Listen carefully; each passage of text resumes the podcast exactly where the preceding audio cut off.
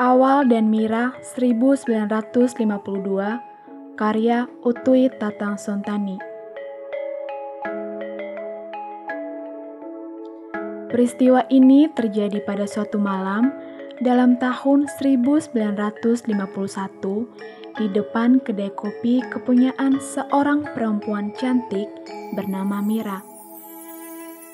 Yang dimaksudkan dengan kedai kopi kepunyaan Mira itu sebenarnya serambi muka dari rumah Mira yang dibangun menjadi kedai kopi. Dan rumah Mira itu rumah bambu, kecil tapi masih baru. Letaknya menghadap ke jalan, didirikan dari atas bekas reruntuhan rumah batu yang hancur oleh peperangan, terpencil jauh dari keramaian. Entah kapan rumah itu didirikan di sana, entah mulai kapan pula serami muka rumah itu jadi kedai kopi. Tapi yang sudah pasti, kedai kopi Mira itu seperti juga kedai-kedai kopi yang lain. Selain dialati oleh perabotan-perabotan yang bersangkutan dengan kebutuhan penjualan kopi, di sana juga ada disediakan barang-barang dagangan yang sudah biasa dijual di kedai kopi. Ada kue-kue, ada limun, ada sigaret, keretan, dan sebagainya. Dan seperti juga kedai kopi lain, di depan kedai kopi Mira itu pun ada bangku panjang tempat duduk para pembeli. Dan antara ruang kedai dan bangku panjang itu terhalang oleh meja dan rak dagangan setinggi dada serta tidak ada pintu. Malam itu pukul 9 lebih. Mira sedang asik menyulam di belakang dagangan. Ibu berada di luar kedai sedang mengatur-ngatur penempatan dagangan. Lelaki muda satu duduk menghadap segelas kopi di atas meja, menghabiskan kopi kemudian menyerahkan uang kepada Mira. Kembali setalen. Mira menerima uang dan kembali menyulam tanpa memberikan uang kembalian. Mana kembali? Beh, Loh, stalen ya stalen. betul. Stalen ya Stalen. Tapi tidaklah Tuan merasa bahwa Tuan terlalu lama duduk di sini. Terlalu lama melihat wajahku. Melihat wajahmu mesti bayar. Mengapa tidak? Memangnya istrimu di rumah cantik seperti aku. Lelaki muda satu kebingungan kemudian bangkit berdiri. Kalau memang mesti, ya apa boleh buat. Lelaki muda satu pergi meninggalkan kedai tanpa menoleh ke arah kanan. Stalen aja dihitung. Disangkanya kita akan mengasihati kepada orang sekarang. Maklum, sekarang sudah bulan tua, Mira. Sudah tiga malam berturut-turut kita kekurangan pembeli. Ibu melihat jauh ke arah kiri. Kulihat hanya ada seorang laki-laki yang berjalan menuju ke sini. Oh, Mira, orang itu kiranya dan awal. Mira terkejut kemudian bergegas meninggalkan tempat duduknya, membungkuk-bungkuk memasuki pintu, masuk ke dalam rumah sebelah kiri. Katakan saja saya tidak ada, Bu. Laki-laki yang bernama Awal itu berumur antara 27 dan 30 tahun. Badannya kurus, rambutnya gondrong tidak dipelihara, datang ke depan kedai. Mira ada, Bu. Tidak ada, Den. Entah pergi ke mana.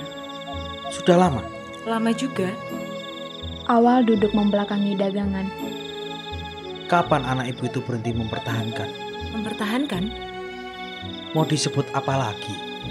Kalau selama saya sakit, meskipun berkali-kali saya mengirim surat ke sini, minta supaya Mira Sudi menengok saya ke rumah. Tapi dia dia tidak pernah datang. Dia banyak urusan, Den. Banyak urusan. Ya, sekarang saya memaksa diri datang di sini dan dia tidak ada. Ibu terdiam dan berjalan masuk ke dalam kedai. Kopi susu, Den? Biar, tidak usah. Ibu terdiam berjalan ke arah radio dan menyalakannya. Dari itu adalah kewajiban kita kaum wanita supaya di zaman sekarang ini setelah kita banyak kehilangan sebagai akibat peperangan, kita kaum wanita mesti giat berjuang berdampingan dengan kaum lelaki guna membangun masyarakat damai di tanah air kita Indonesia yang indah dan molek ini. Marilah kita Tutup radio itu, Bu. Mengapa, Den? Omong kosong semuanya. Omongan badut. Berjuang berdampingan. Tanah air indah dan molek. Dia sendiri tak akan tahu apa yang dikatakannya. asal saja berbunyi. Betul, dan tidak akan minum. Saya mau bicara dengan Mira, Bu. Tapi barangkali akan lama juga dia pergi. Tidak dapatkah ibu menolong menyampaikan pesan Aden kepadanya? Saya mau bicara sendiri dengan Mira. Lain, lain dari omongan orang lain yang akan saya sampaikan kepadanya. Tapi Den, Mira, anak ibu itu manusia biasa saja. Jangan ada yang harapkan yang bukan-bukan dari dia. Siapa pula yang mengharapkan yang bukan-bukan? Saya tidak mengharapkan yang bukan-bukan dari Mira. Harapan saya dari Mira adalah harapan laki-laki sewajarnya yang menginginkan supaya Mira jadi kawan hidup laki-laki. Itu harapan saya. Harapan itu tidak bukan-bukan. Maksud ibu, Den, Mira itu bukan perempuan dari golongan atas. Dia hanya tukang kopi. Apa arti golongan atas? Sangka ibu, perempuan yang tadi berpidato di radio itu dari golongan atas. Perempuan bicara asal bunyi. Orang-orang semacam itulah yang akan menguasai masyarakat kita sekarang. Orang-orang yang akan maunya mengatasi orang lain dengan bicara terus. Tidak tahu jiwanya sendiri kering dan dangkal. Dunia sendiri sempit, lebih sempit dari ini. Kedai kopi. Dua orang laki-laki datang dari arah kanan. Keduanya berumur tidak lebih dari 30 tahun. Yang seorang berbadan besar tinggi dan memakai baju biru. Dan yang seorang lagi berbadan agak pendek dan memakai baju putih. Mereka datang ke depan kedai dengan langkah ringan. Dan ringan pula suara yang diperdengarkan. Mana Mira, Bu? Tidak ada. Ah, kalau tidak ada Mira, kurang senang kita minum kopi di sini. Biar kita tunggu sampai dia datang. Buat apa pula lekas pulang? Toh di rumah juga tidak ada apa-apa. Biru putih duduk tidak jauh dari awal dan duduk menghadap dagangan. Awal memperhatikan gerak-gerik biru dan putih, bangkit berdiri dan hendak melangkah pergi. Ke mana, Den? Duduk dulu. Biar, tidak usah. Awal terus berjalan ke arah kanan, berjalan terhuyung-huyung. Si baju biru memandang awal yang melangkah pergi. Mengapa dia kecut? Ya, sepertinya marah kepada kita. Dia orang terpelajar. Terpelajar apaannya? Yang nyata kelihatannya seperti orang yang tidak waras otak.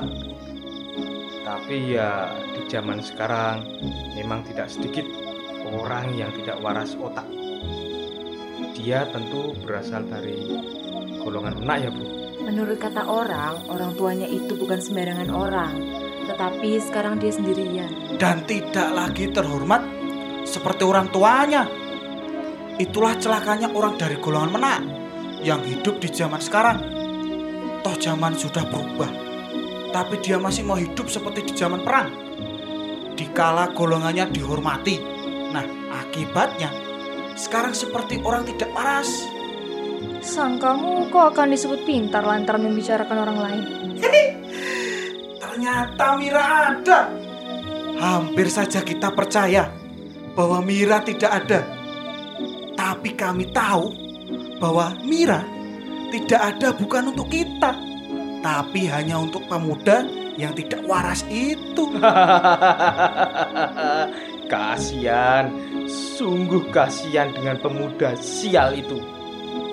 Aku bilang, kau tidak akan disebut pintar lantaran membicarakan orang lain. Katakanlah bahwa kami lebih berarti daripada pemuda itu. Apa yang lebih berarti? Kalian datang di sini untuk membeli dagangan yang kujual.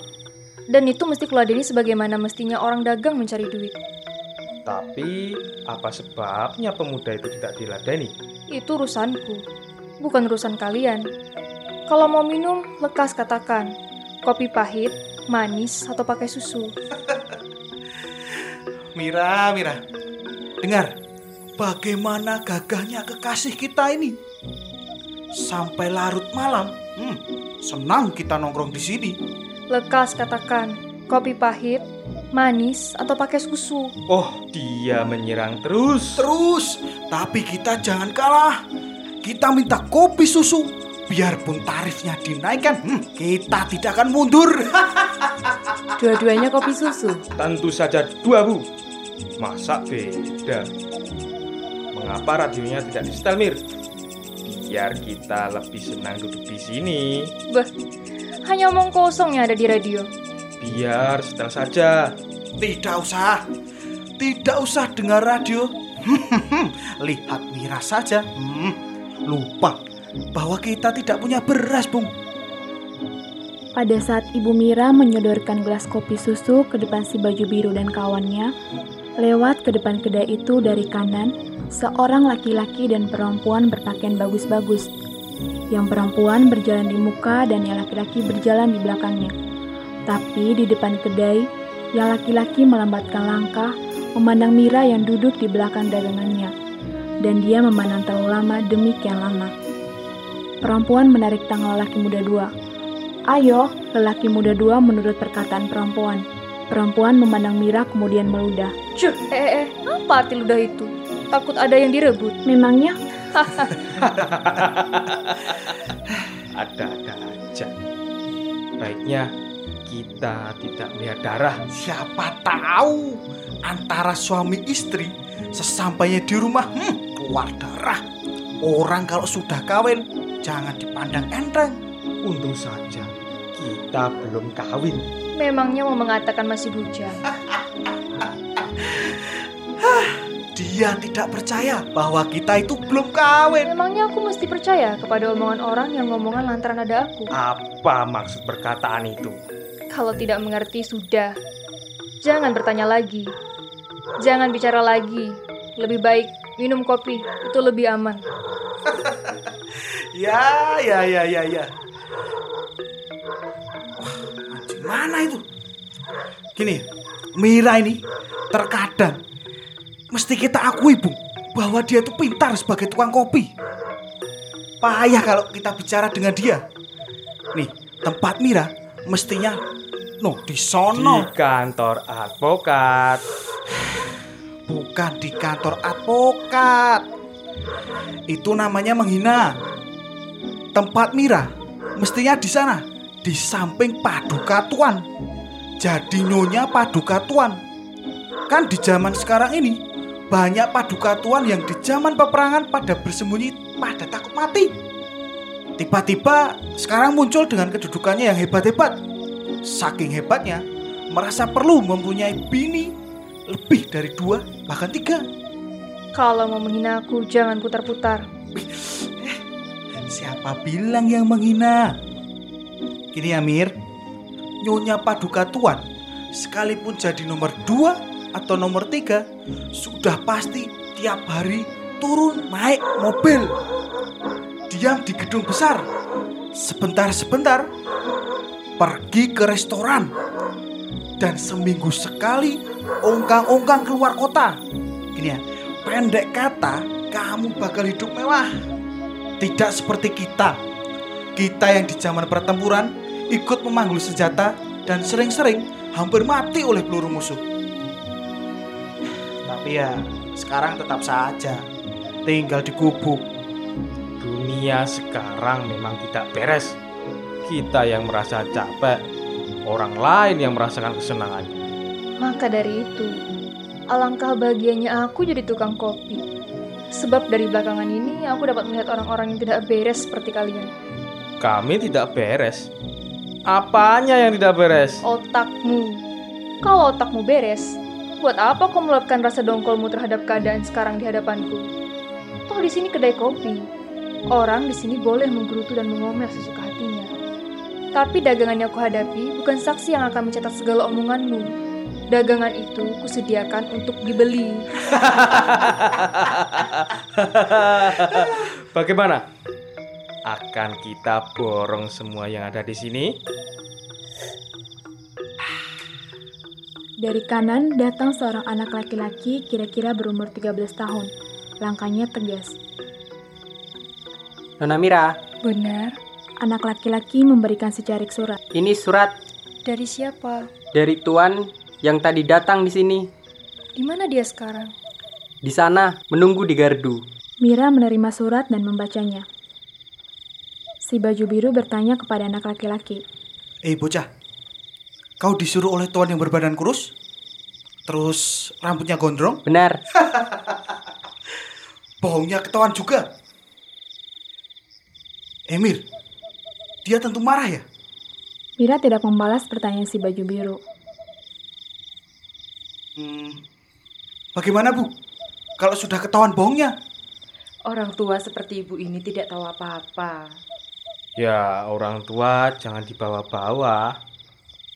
Katakan padanya bahwa saya tidak dapat meninggalkan kewajiban di sini. Lebih baik dia saja yang datang kemari. Baik, Katakan saya menunggu ya. ya. Anak laki-laki itu terus berjalan ke kanan. Langkahnya tegas, seperti ketika ia datang ke depan kedai. Setelah anak laki-laki itu jauh berjalan, bertanya si baju biru kepada Mira. Hei Mir, apa sih suratnya? Itu urusanku. Berbisik apa? Itu urusanku juga. Hei, lihat. Itu apa? Mira melenggong melihat ke arah yang ditunjuk si baju putih, lalai akan surat yang di tangannya. Hei, eh, Kurang ajar. Berani kau mencolok mata. Mira, meskipun kau barusan mendustai aku, tapi jiwamu dan duniamu bagiku tetap merupakan soal. Oh jiwamu, oh duniamu. Betul-betul orang ini tidak waras. jadi Mira ini mempunyai dunia. Sudah. Kau bagiku tetap bukan tukang kopi.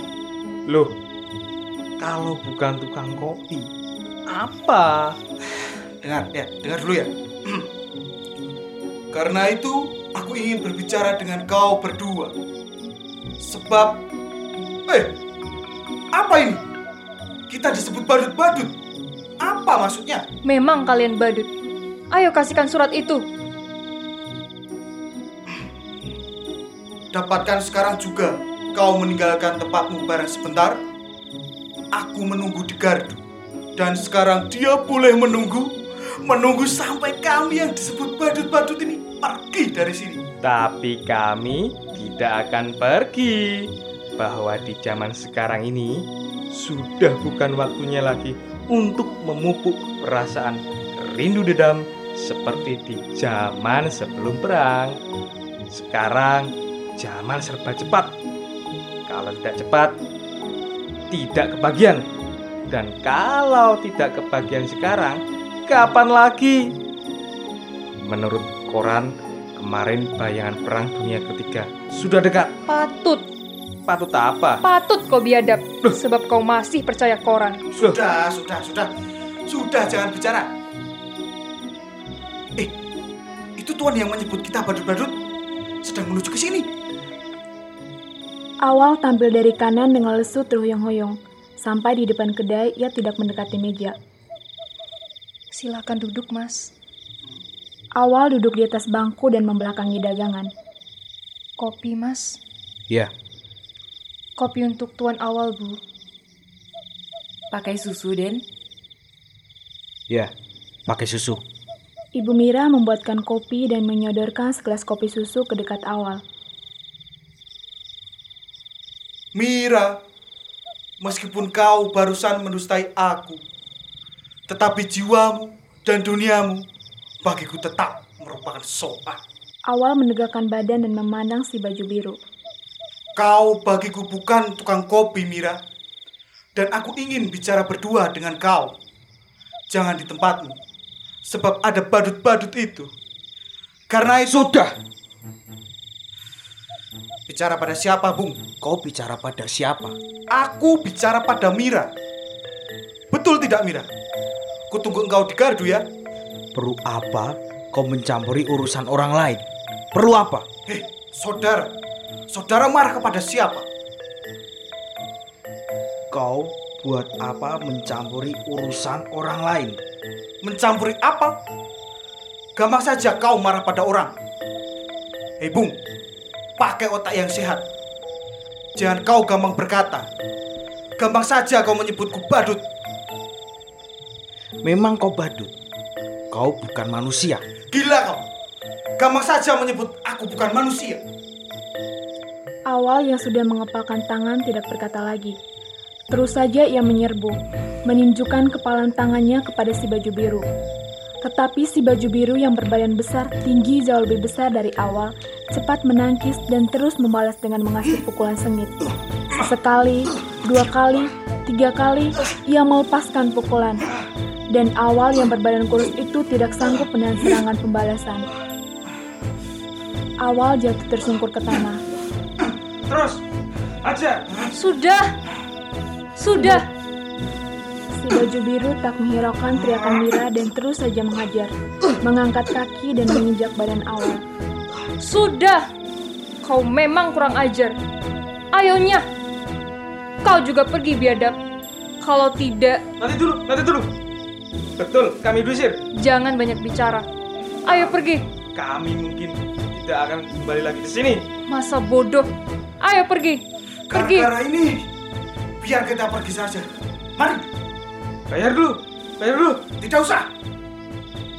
Si baju putih melemparkan uang ke hadapan Mira dan menyusul kawannya berjalan ke arah kanan. Sepeninggal kedua laki-laki itu, Bebangunkan dia, Bu. dengan tidak memantau lagi, Ibu Mira memasuki pintu ke dalam rumah. Tak lama kemudian keluar dari pintu di samping rumah. Ibu Mira berada di luar ruangan kedai, mengguncang-guncang badan awal dan membantu awal berdiri. Den, eleng Den. Awal tertati-tati bangkit berdiri, kemudian memandang Mira yang berada di belakang dagangan dengan pandangan ngeri. Sampai hati kau membiarkan aku dina orang di hadapanmu. Mira tidak menjawab pertanyaan awal. Kau kejam. Tak sedikit juga kau merasakan perasaanku. Tak sedikit juga. Sudah cukup tadi memberkain aku dengan mendusta. Sekarang kau senang ya? Melihat aku dina orang setelah kepercayaanku kau rusak di hadapan orang lain. Mira tidak menjawab awal. Mira, kau senang melihat aku dipukuli orang? Melihat aku dina sampai tetap duduk di tempatmu? Mira tetap tidak menjawab. Mira, untuk itukah kau menyuruh aku datang di sini untuk merusak kepercayaanku? Mira tetap diam. Mira, Duduk, Mas. tidak. Aku ingin mendengar jawaban.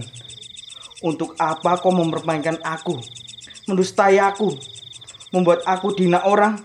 Untuk apa? Mira terdiam lagi. Kau rupanya senang ya? Melihat aku mati untukmu? Den, eleng Den, eleng. Kau senang membuat aku menjadi korban kecantikanmu? Ibu Mira kebingungan kemudian berteriak sekuat tenaga. Awal perlahan melepas sekikan setelah lepas ia menjatuhkan badan di atas bangku. Di dalam aku gelisah. Kau. Kau tetap tenang. Ibu Mira masuk ke dalam kedai hendak mengambilkan air untuk awal. Datang dua orang pemuda dari sebelah kiri dengan tergopoh-gopoh.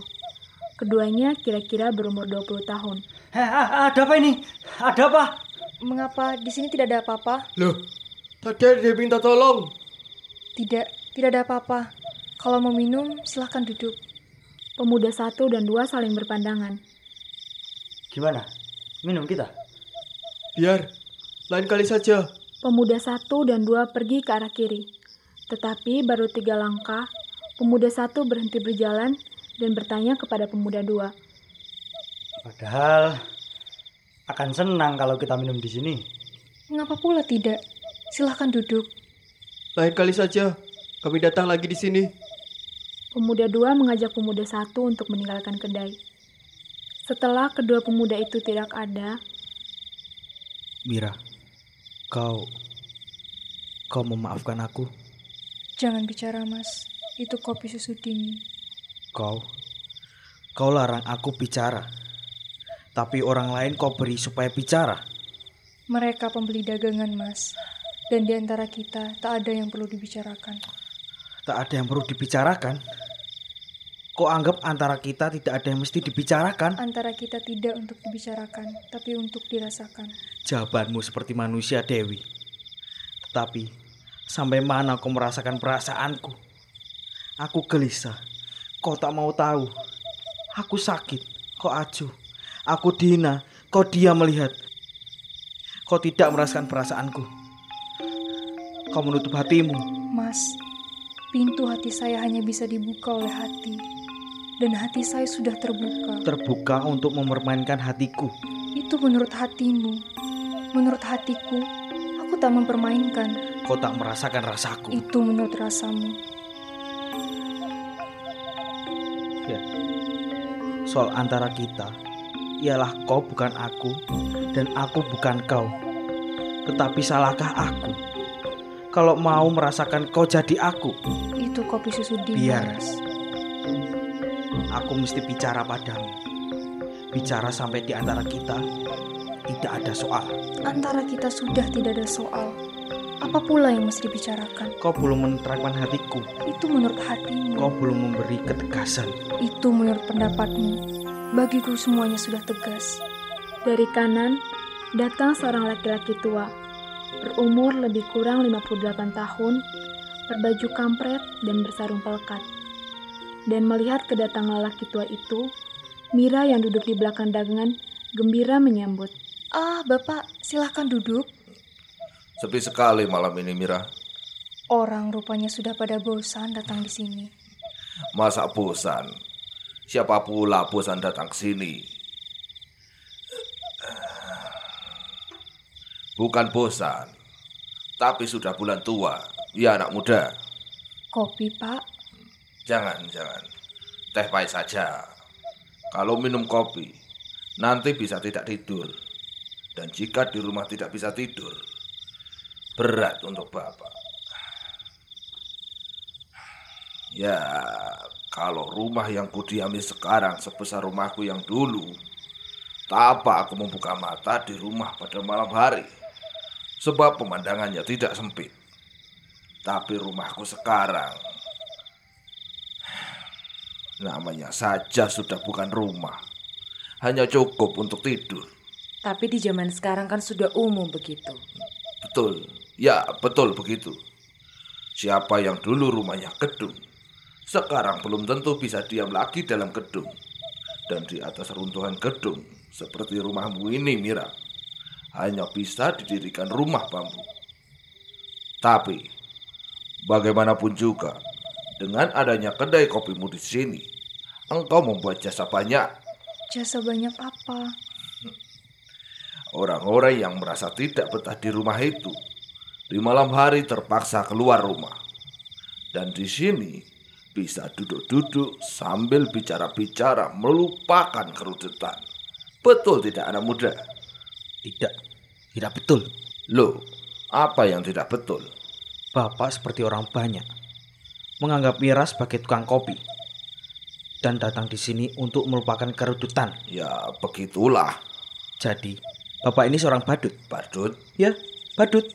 Bapak, Bapak kurang mengerti. Tentu saja tak akan mengerti kalau tidak akan saya sebut badut. Jadi, jadi bagaimana mestinya kita menganggap Mira? Itu terserah.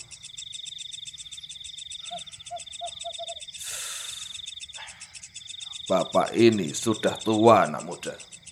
Sudah banyak mengalami pertukaran zaman.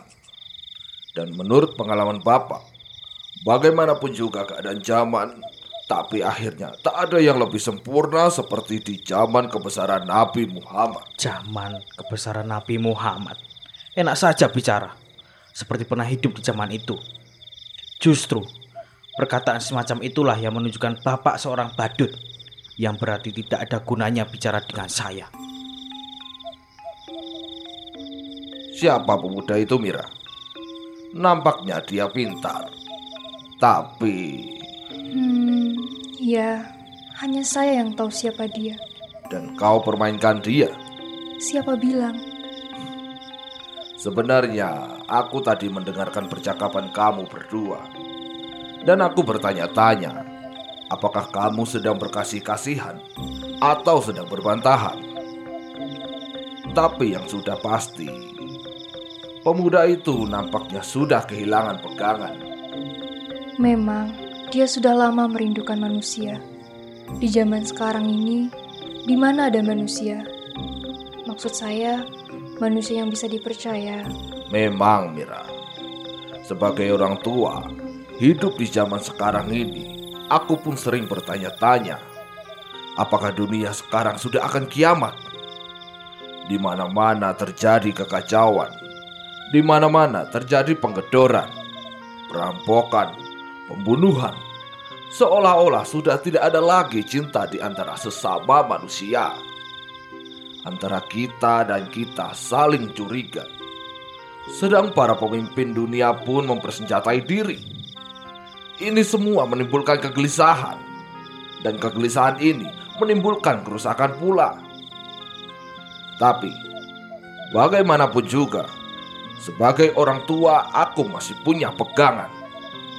Dan pegangan itu adalah pegangan kita bersama, yaitu kepercayaan kepada Tuhan yang lebih berkuasa dari manusia.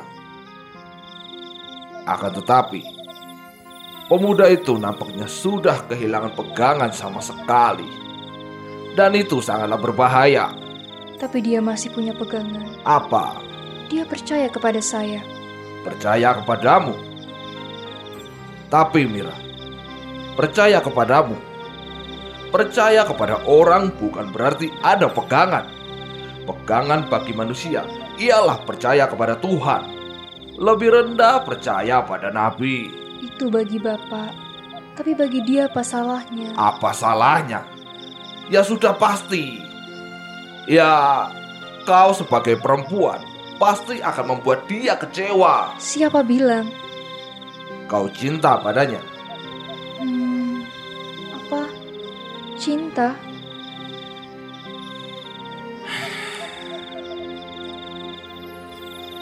Kau ini memang aneh juga, Mira. Tapi ya, keanehanmu sebenarnya tak usah kuanehkan lagi. Tapi, sudahlah. Aku tak akan lama menunggu.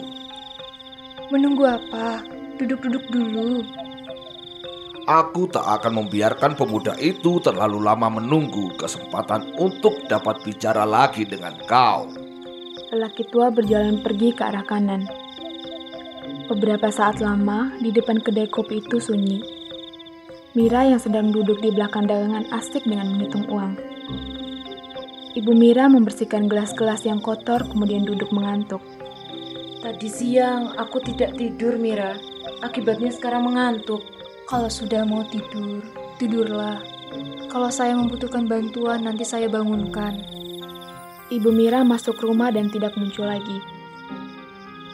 Lonceng di kejauhan terdengar berbunyi sepuluh kali.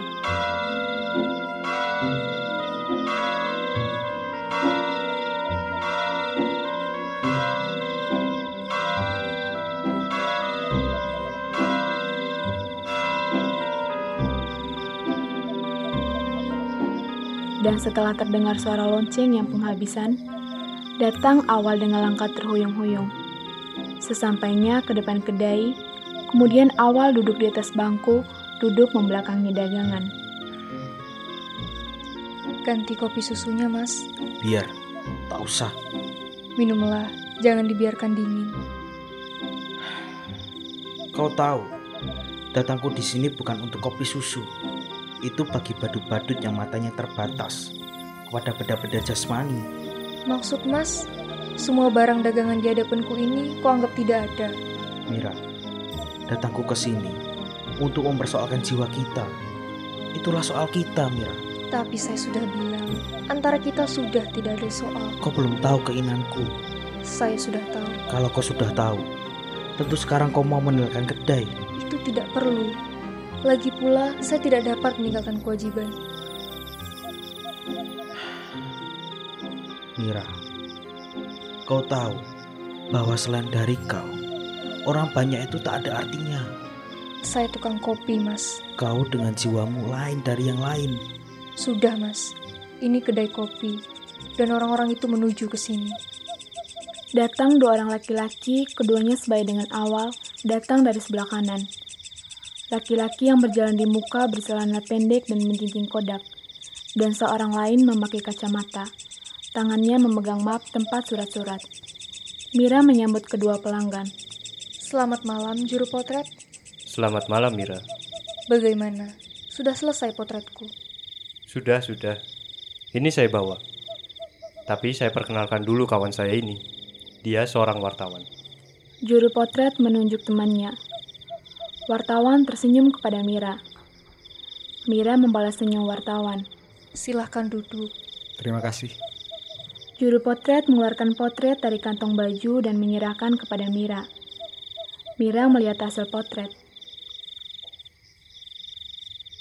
Bagaimana? Puas kau dengan potretmu?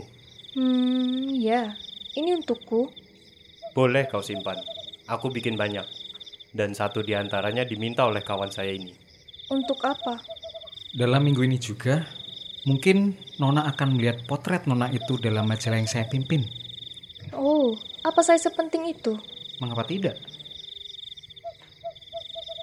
Tapi Tuan tahu, koran-koran dan majalah-majalah di zaman sekarang lebih mementingkan potret-potret orang resmi, lebih mementingkan potret para pembesar yang diinterview. Lebih mementingkan orang ngomong. Sekalipun omongan mereka asal berbunyi, asal saja mengisi halaman koran. Dari itu, majalah yang saya pimpin itu akan memuat potret Nona. Potret rakyat jelata. Tapi apa kepentingan potret saya dimuat? Oh, belum kau sadar Mira bahwa kau itu cantik? Bahwa aku cantik? Aku lebih tahu dari siapa pun juga. Dan kau sudah tahu Mira, bahwa jika seseorang di zaman sekarang ini minta sesuatu padamu, itu adalah untuk kepentingan orang itu. Untuk itulah, potretmu akan dimuat di majalah. Maaf saudara, kita belum berkenalan. Dengan mendengar omongan saudara, saya sudah tahu mengenai jiwa saudara, dan itu bagi saya sudah cukup. Lebih cukup daripada mengenal nama atau jabatan. Saudara, saya rasa di zaman sekarang ini sudah bukan waktunya lagi untuk menempatkan diri sebagai dewa. Sudah bukan waktunya lagi bicara dengan menggunakan kata-kata yang tidak mudah dipahami orang. Siapa pula yang menempatkan diri sebagai dewa? Kalau perkataan saya tidak dimengerti orang, bukan saya yang menempatkan diri sebagai dewa, tapi orang itu yang mesti disesalkan jiwanya. Tapi di masyarakat kita sekarang, orang-orang yang kering dan dangkal jiwanya itu banyak, banyak sekali. Bagaimana Nona? Setuju kalau potret Nona dimuat dalam majalah saya? Berapa saya akan dibayar? Loh, loh, loh. Bukannya kau mesti minta dibayar, Mira. Tapi kau mesti berterima kasih. Tapi, dimisalkan saya mesti membayar, berapa Nona minta? Tuan pasti tidak sanggup membayar. Mengapa? Berapa Nona minta? Apa Tuan sanggup membayar seribu rupiah? Nona, Nona, di mana di dunia ini ada majalah yang pernah membayar seribu rupiah untuk pemasangan sebuah potret? Bahkan bintang film yang sudah mansyur, banyak yang menyerahkan potretnya kepada majalah dengan begitu saja. Tapi saya bukan bintang film. Dan tidak sudi disamakan dengan bintang film. Dari itu, Dari itu saya minta dibayar mahal. Begini saja Nona, harap Nona tahu bahwa majalah yang saya pimpin itu majalah kepunyaan bangsa sendiri. Kalau Nona sudah sadar atas panggilan zaman dan insyaf atas kewajiban sebagai bangsa, apa salahnya kita bekerja bersama-sama untuk bangsa dan untuk tanah air yang kita cintai? Bekerja bersama-sama, tanah air yang kita cintai. Ayo, apalagi mengapa tidak dikatakan pula bahwa tanah air itu indah dan molek? Biar enak dikatakan. Saya tidak bicara dengan saudara. Atas nama Mira, saya minta supaya saudara bicara yang benar. Bicara secara manusia, jangan asal berbunyi. Betul di sini kedai kopi, tapi lihat. Orang yang duduk di belakang dagangan itu manusia. Manusia, bukan boneka atau keranjang sampah yang boleh dilempari kata-kata asal dikatakan. Siapa pula yang menyamakan Nona ini dengan keranjang sampah? Siapa pula? Omongan sendiri yang keluar dari jiwa picik sudah tidak disadari. Sang kamu, apa yang kukatakan itu tidak merupakan omong kosong bagi pihak yang mendengar. Dan sang kamu, orang yang kuajak bicara itu punya dunia yang sama dengan duniamu. Duniamu yang sempit picik hanya diisi omong kosong. Wartawan memandang temannya kemudian bangkit berdiri. Nona, biar lain kali saja saya datang lagi. Tidak akan minum dulu. Biar. Terima kasih. Wartawan memberi isyarat pada temannya untuk pergi. eh, se- selamat malam Mira. Sampai jumpa lagi. Selamat malam. Juru potret dan wartawan berjalan pergi meninggalkan kedai. Badut-badut mulu yang datang di sini. Dari itu Mas lebih baik tinggal diam di rumah. Di sini kedai kopi. Tapi selama kau tak kubawa, aku tidak akan pergi. Itu menyiksa diri sendiri. Nanti Mas kedinginan. Apa arti diri sendiri jika ada diri lain tempat menyerahkan kepercayaan? Masih menganggap bahwa mempercayai orang lain itu suatu keharusan. Mira, selama perempuan dilahirkan ke dunia untuk jadi kawan hidup laki-laki, Selama itu aku harus dan mesti berusaha untuk dapat menyerahkan kepercayaan pada orang lain yang akan kujadikan kawan hidupku. Dan bagiku sekarang sudah jelas bahwa kau dengan duniamu yang tidak sempit adalah manusia yang kucari-cari selama ini. Saya tukang kopi, Mas. Kau dengan jiwamu yang penuh berisi kehidupan adalah paduan dari keindahan surga yang kuimpikan dan kepahitan dunia yang kurasakan. Kaulah wujud wanita utama. Kau memuji. Tapi siapa yang mau percaya bahwa dunia sekarang ada manusia yang lebih mencintai orang lain daripada mencintai dirinya sendiri? Siapa pula yang percaya? Engkau tidak. Aku pun tidak. Tapi untukmu, aku akan mencoba. Tapi sekarang Mas lebih baik pulang. Ibu saya sudah tidur dan sebentar lagi kedai ini akan ditutup. Kalau kedai ditutup, kau akan kubawa. Dan kalau kau tak dapat kubawa, aku akan ikut ditutup dalam kedai. Itu tidak bisa jadi. Kalau begitu, kedai ini jangan ditutup. Jadi, Mas akan menyiksa orang lain. Menyiksa saya? Itukah percobaan Mas dalam hendak menunjukkan bahwa Mas lebih mencintai orang lain daripada mencintai diri sendiri? Awal diam tidak menjawab. Itukah tandanya Mas cinta? Tandanya Mas berlainan dari orang lain yang Mas sendiri namakan badut? Awal diam. Saya tahu, Mas. Saya tahu bahwa perkataan yang akan saya katakan ini bagimu tajam. Lebih tajam dari diam saya selama ini. Tapi saya terpaksa mengatakannya. Tidak lain supaya Mas tahu bagaimana anggapan saya terhadap Mas.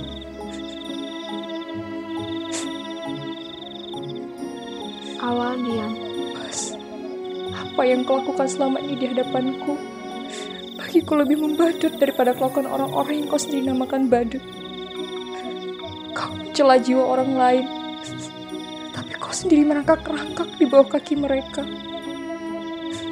Kau badut besar, sudah kehilangan pegangan, kehilangan kepercayaan pada diri sendiri. Padahal di zaman sekarang, tidak ada yang bisa dipercaya selain diri sendiri. Tidak ada, sungguh tidak ada. Awal masih terdiam, kemudian tersenyum pahit.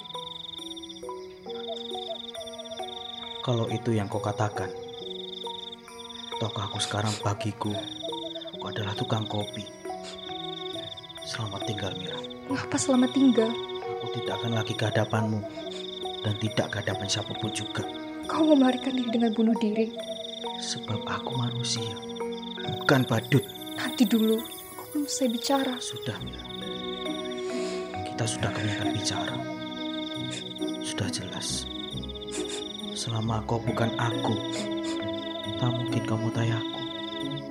Selama duniamu bukan duniaku, tak mungkin kamu tahu apa yang tersimpan dalam lubuk hatiku. Tadinya aku masih percaya bahwa di dalam aku merasakan kekosongan dalam segala. Aku akan masih menjebak cinta dalam hatimu. Cinta manusia yang merasakan perasaan yang dicintai. Tapi semacam itu tidak ada dalam hati siapa pun juga. Tidak dalam hati manusia di zaman sekarang dan juga tidak dalam hatimu. Kalau kau bunuh diri, aku pun bunuh diri. Apa?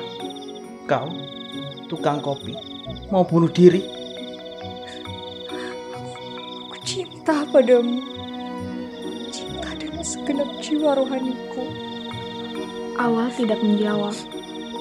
Aku cinta padamu, tapi tidak percaya cintamu padaku akan melebihi cintamu pada diri sendiri. Tidak, aku tidak percaya. Kau masih menuduh aku dengan orang banyak yang suka omong kosong di hadapanmu. Kalau kau cinta padaku, bunuh aku. Bunuh dengan segenap cintamu. Gila kau. Aku cinta padamu karena ada cita-cita. Karena mungkin hidup bersama. Tidak. Kau dan aku mesti mati. Mati bersama. Sebab aku tidak percaya kau dan aku bisa hidup bersama. Aku tidak percaya cintamu padaku akan melebihi cintamu pada diri sendiri. Mira, mari kita tinggalkan kedai ini. Kita bicara di alam luas, di bawah cahaya bintang. Cara di bawah bintang memang nikmat. Ya, ayo, mari kita pergi Mira. Tapi saya tidak dapat meninggalkan kewajiban saya sebagai tukang kopi. Mira, rupanya kedai ini mesti kuhancurkan ya. Mesti kuhancurkan untuk membuktikan bahwa kau bukan tukang kopi. Mas, jangan mencoba pula hendak menimbulkan kepercayaan dalam hatiku dengan mengatakan yang bukan-bukan. Kedai ini duniaku. Dan kedai ini kuat. Sedang tenaga jasmanimu lemah. Katakan bahwa kau mau kubawa. Jika hanya kedai ini kubongkar, Mira. Kau tak punya tenaga sampai ke sana. Jika kau mengatakan kau sanggup membawa aku dari sini dengan membongkar kedai ini, itu hanya omong kosong belaka. Omong kosong seperti orang banyak. Bilanglah tidak percaya. Bagaimana saya mesti percaya? Kalau bagi saya di dunia sekarang ini sudah tidak ada lagi yang bisa dipercaya. Awal tidak membalas lagi. Tangannya sudah dikepalkan terus saja dijangkaukan kepada meja dan rak dagangan yang menghalangi dia dengan mudah. Kemudian meja dan rak dagangan itu digoncang-goncang, direnggut-renggut, dan diangkat-angkat. Mas, mas, sudah, sudah mas, kok kemasukan? Awal terus merenggut-renggut meja dan rak dagangan, mengeluarkan tenaga, nafasnya mengap Mas, sudah, sudah, kok capek? Mira menyapu air mata. Awal tidak mendengar. Dia terus mengeluarkan tenaga dan terus mengeluarkan tenaga. Akhirnya meja dan rak dagangan yang menghalangi Mira itu pun terbongkar. Kemudian awal jatuh, tangannya berdarah. Awal bangkit berdiri dengan sempoyangan, nafasnya pendek. Mari, Mira. Mari, mari keluar, Mira. Mira bangkit berdiri, terus berjalan keluar kedai, mendapatkan awal. Berjalan menggunakan kruk pada kedua ketiaknya. Lihat hal itu, awal yang nafasnya pendek itu mundur. Tangannya yang berdarah meraba kepala, matanya berkeringat. Ya, inilah kenyataanku. Kakiku buntung, buntung karena peperangan. Tapi lantaran inilah mas, lantaran ke atas aku cantik, dan ke bawah aku cacat. Selama ini aku bagimu merupakan teka-teki. Tapi sekarang, Awal yang berbadan kurus itu mundur lagi. Tangannya yang berdarah gemetar, mulutnya menganga. percaya mas, aku percaya. Mira. Mira mendapatkan awal dirangkul. Dan setelah itu, di depan kedai kopi yang sudah berantakan itu pun sunyi. Yang terdengar hanya isak tangis Mira.